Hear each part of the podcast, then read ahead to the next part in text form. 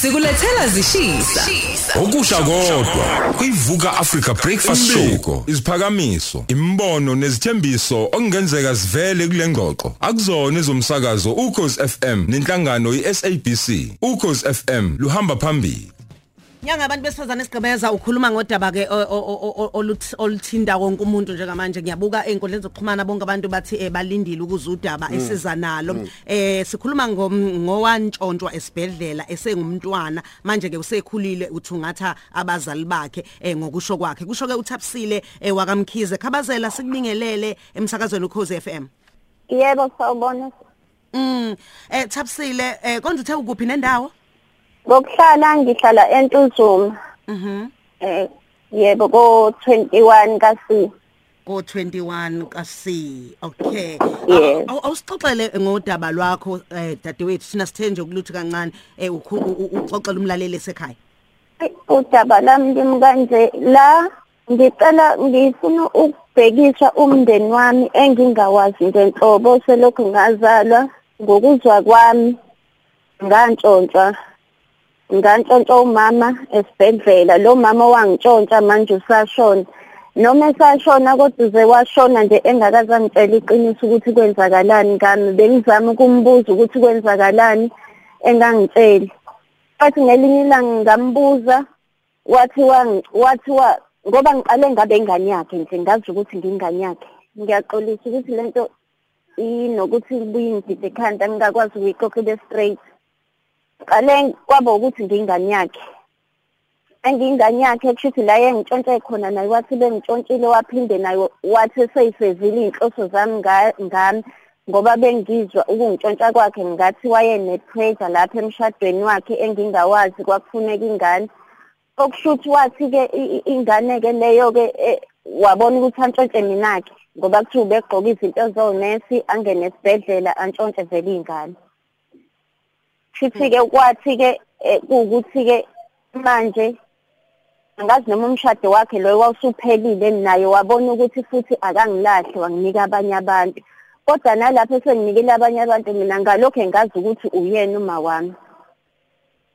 Kuthe ngo-2013 ingane yakhe yomfana yaqala-ke manje yahamba ingifuna ngoba nayo ithi ifuna udadewabo ayazi ukuthi kanti uma wayo unemfihlo yangifuna-ke i- i- ingane yakhe yaze yangithola. Base ngitholile-ke ingane yakhe yangibuyisela ekhaya. Base ngifika ekhaya ngibona ukuthi ayi ngeke uma wami lo yi- lena muntu engazi ukuthi uma wami lo kodwa manje nje kunalento engahambi kahle ngilindele ukuthi ngicela ngichazele ukuthi phela kwenzakalani ngize ngihlukane naye iminyaka emingaka ngingamazi ngihlukumezeka la bengikhona.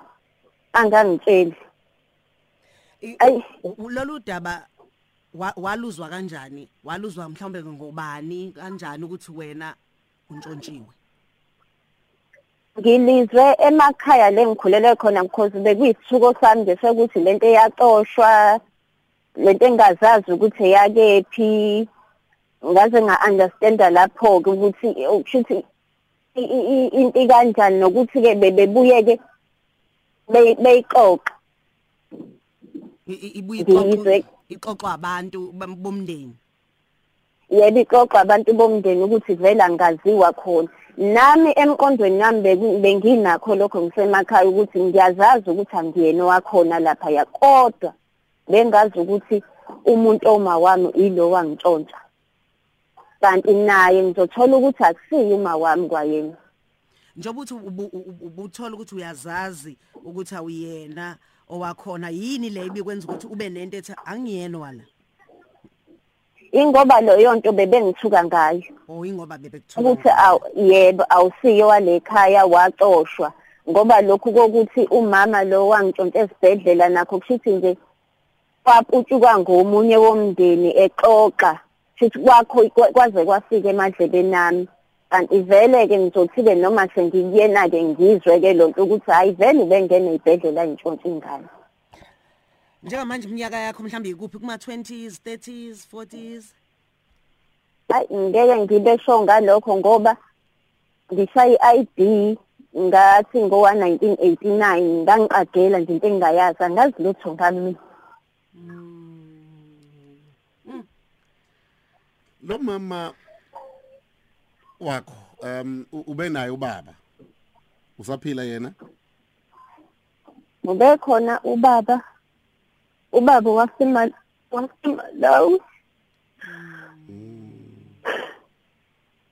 O- o- o-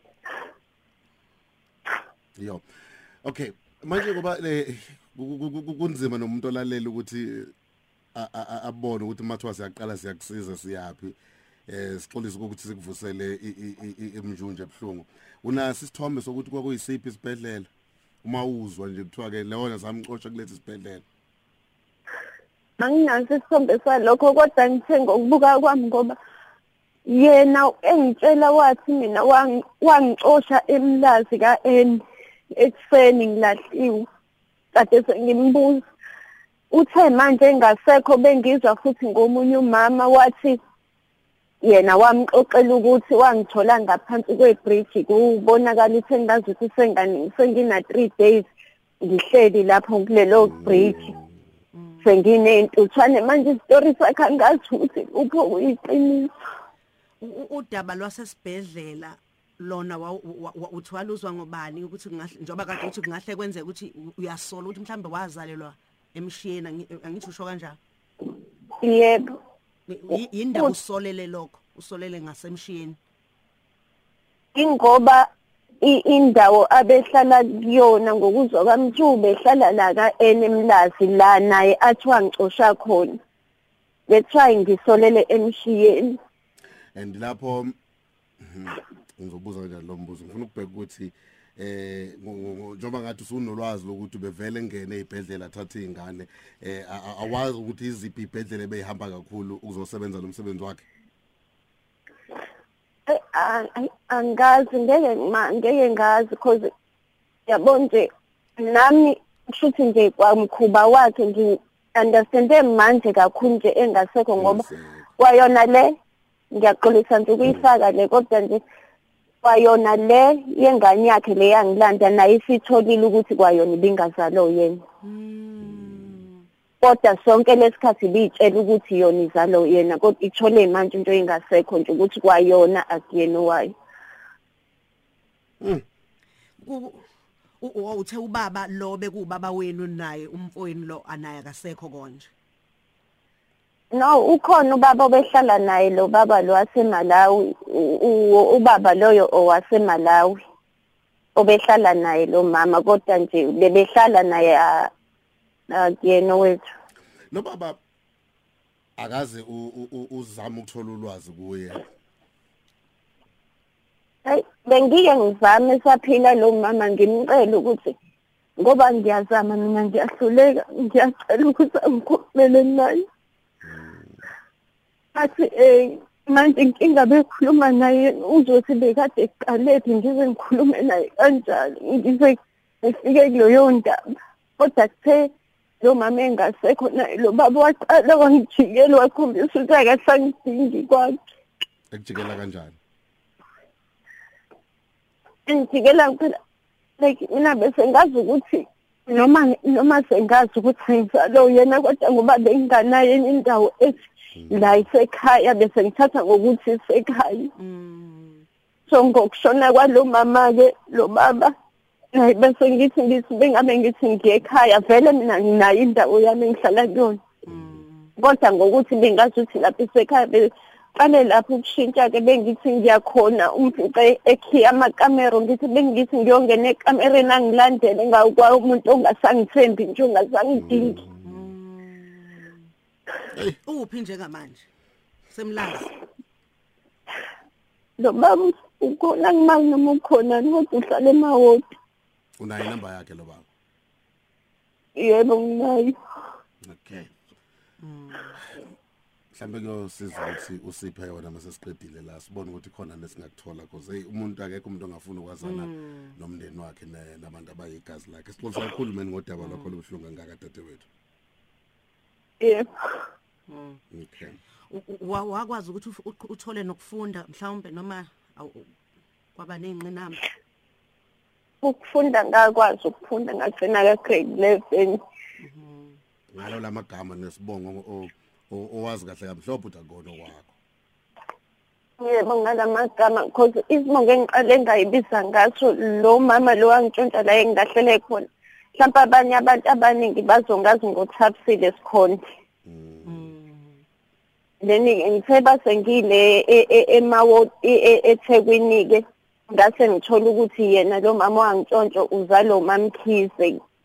So ngase ke sengenza i-ID ngabo wakamkhize ngangabe ngisabo wakasikhonde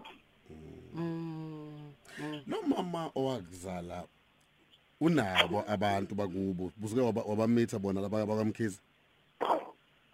Kunabo abantu bakubo kodwa nje eyi, nabo intaba baqale ngoba baqale bezwa le yami bathuka nje bathi i- intaba benga- bebengayazi leyo bebazi ukuthi mina ngowakhona.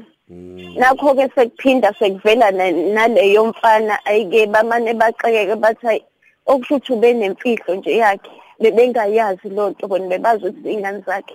Kodwa yena ke basekhaya basangiboni ngikhulelwe ababoni ngihamba yonke le period ka-30 days bese be- beba ngabantu abathukayo ekugcineni. Ilento ekade nami ngiye ngibabuze yona-ke ngingasababuzi-ke ngami uvela leyo mfana ngibabuze ukuthi-ke okay-ke mina-ke vele-ke wangitshela emehlweni.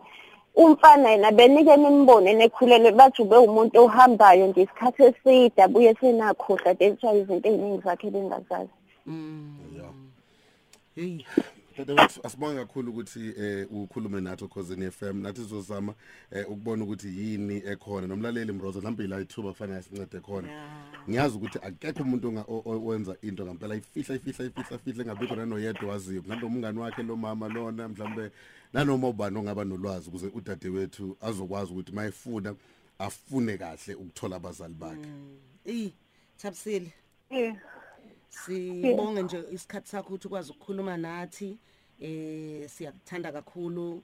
Eh abalaleli ngiyabona einkundleni zokuxhumana bakhombisa ukuthi bazwelana nawe bekanye nawe. Eh njobe esho nje usipho eh siyafisa ukuthi u- ulekeleleke nanoma ingayiphi indlela ukuze ugcine eh, nawe uzazile njengoba usho ukuthi uzibiza ngesibongo ungasazi eh waziqamba nawe angithi leli gama. Ngaze kushuthi ngaqanjwe uyena lo mama ngoba nje yabona amagama bengwalandela umfana utha- u- uthami mina nguthabisile yabona nje kushuthi ube nendlela yakhe yokwenza izinto ukuthi inganakeki angazi kanjani. Angazi mhlampe ukuze nabanye mhlampe khona abangaba nolwazi be-understand umama engikhuluma ngaye noma ngingamusho ukuze manje ngibe ngithi umama umama. Mm konje uthe mhlambe abanga abangasheshe mhlambe bamkhumbule uthe ube nomkhango esihlathini? Yebo ube nemkhange ehlathini ema ube lokhuza uhlala emawoti ema- emawoti waziwa ngogogo uphiri mm. Kodwa ushone ngomeyiki mm. Yes. Dadewethu asibonge kakhulu soboya nathi makuthi khona esikutholayo siphinde sikwazi ukuthi sikusizeke. Yebo ngiyabonga kakhulu Le yivuka Africa Breakfast Show. ukhosi FM Lo hamba phambili. phambili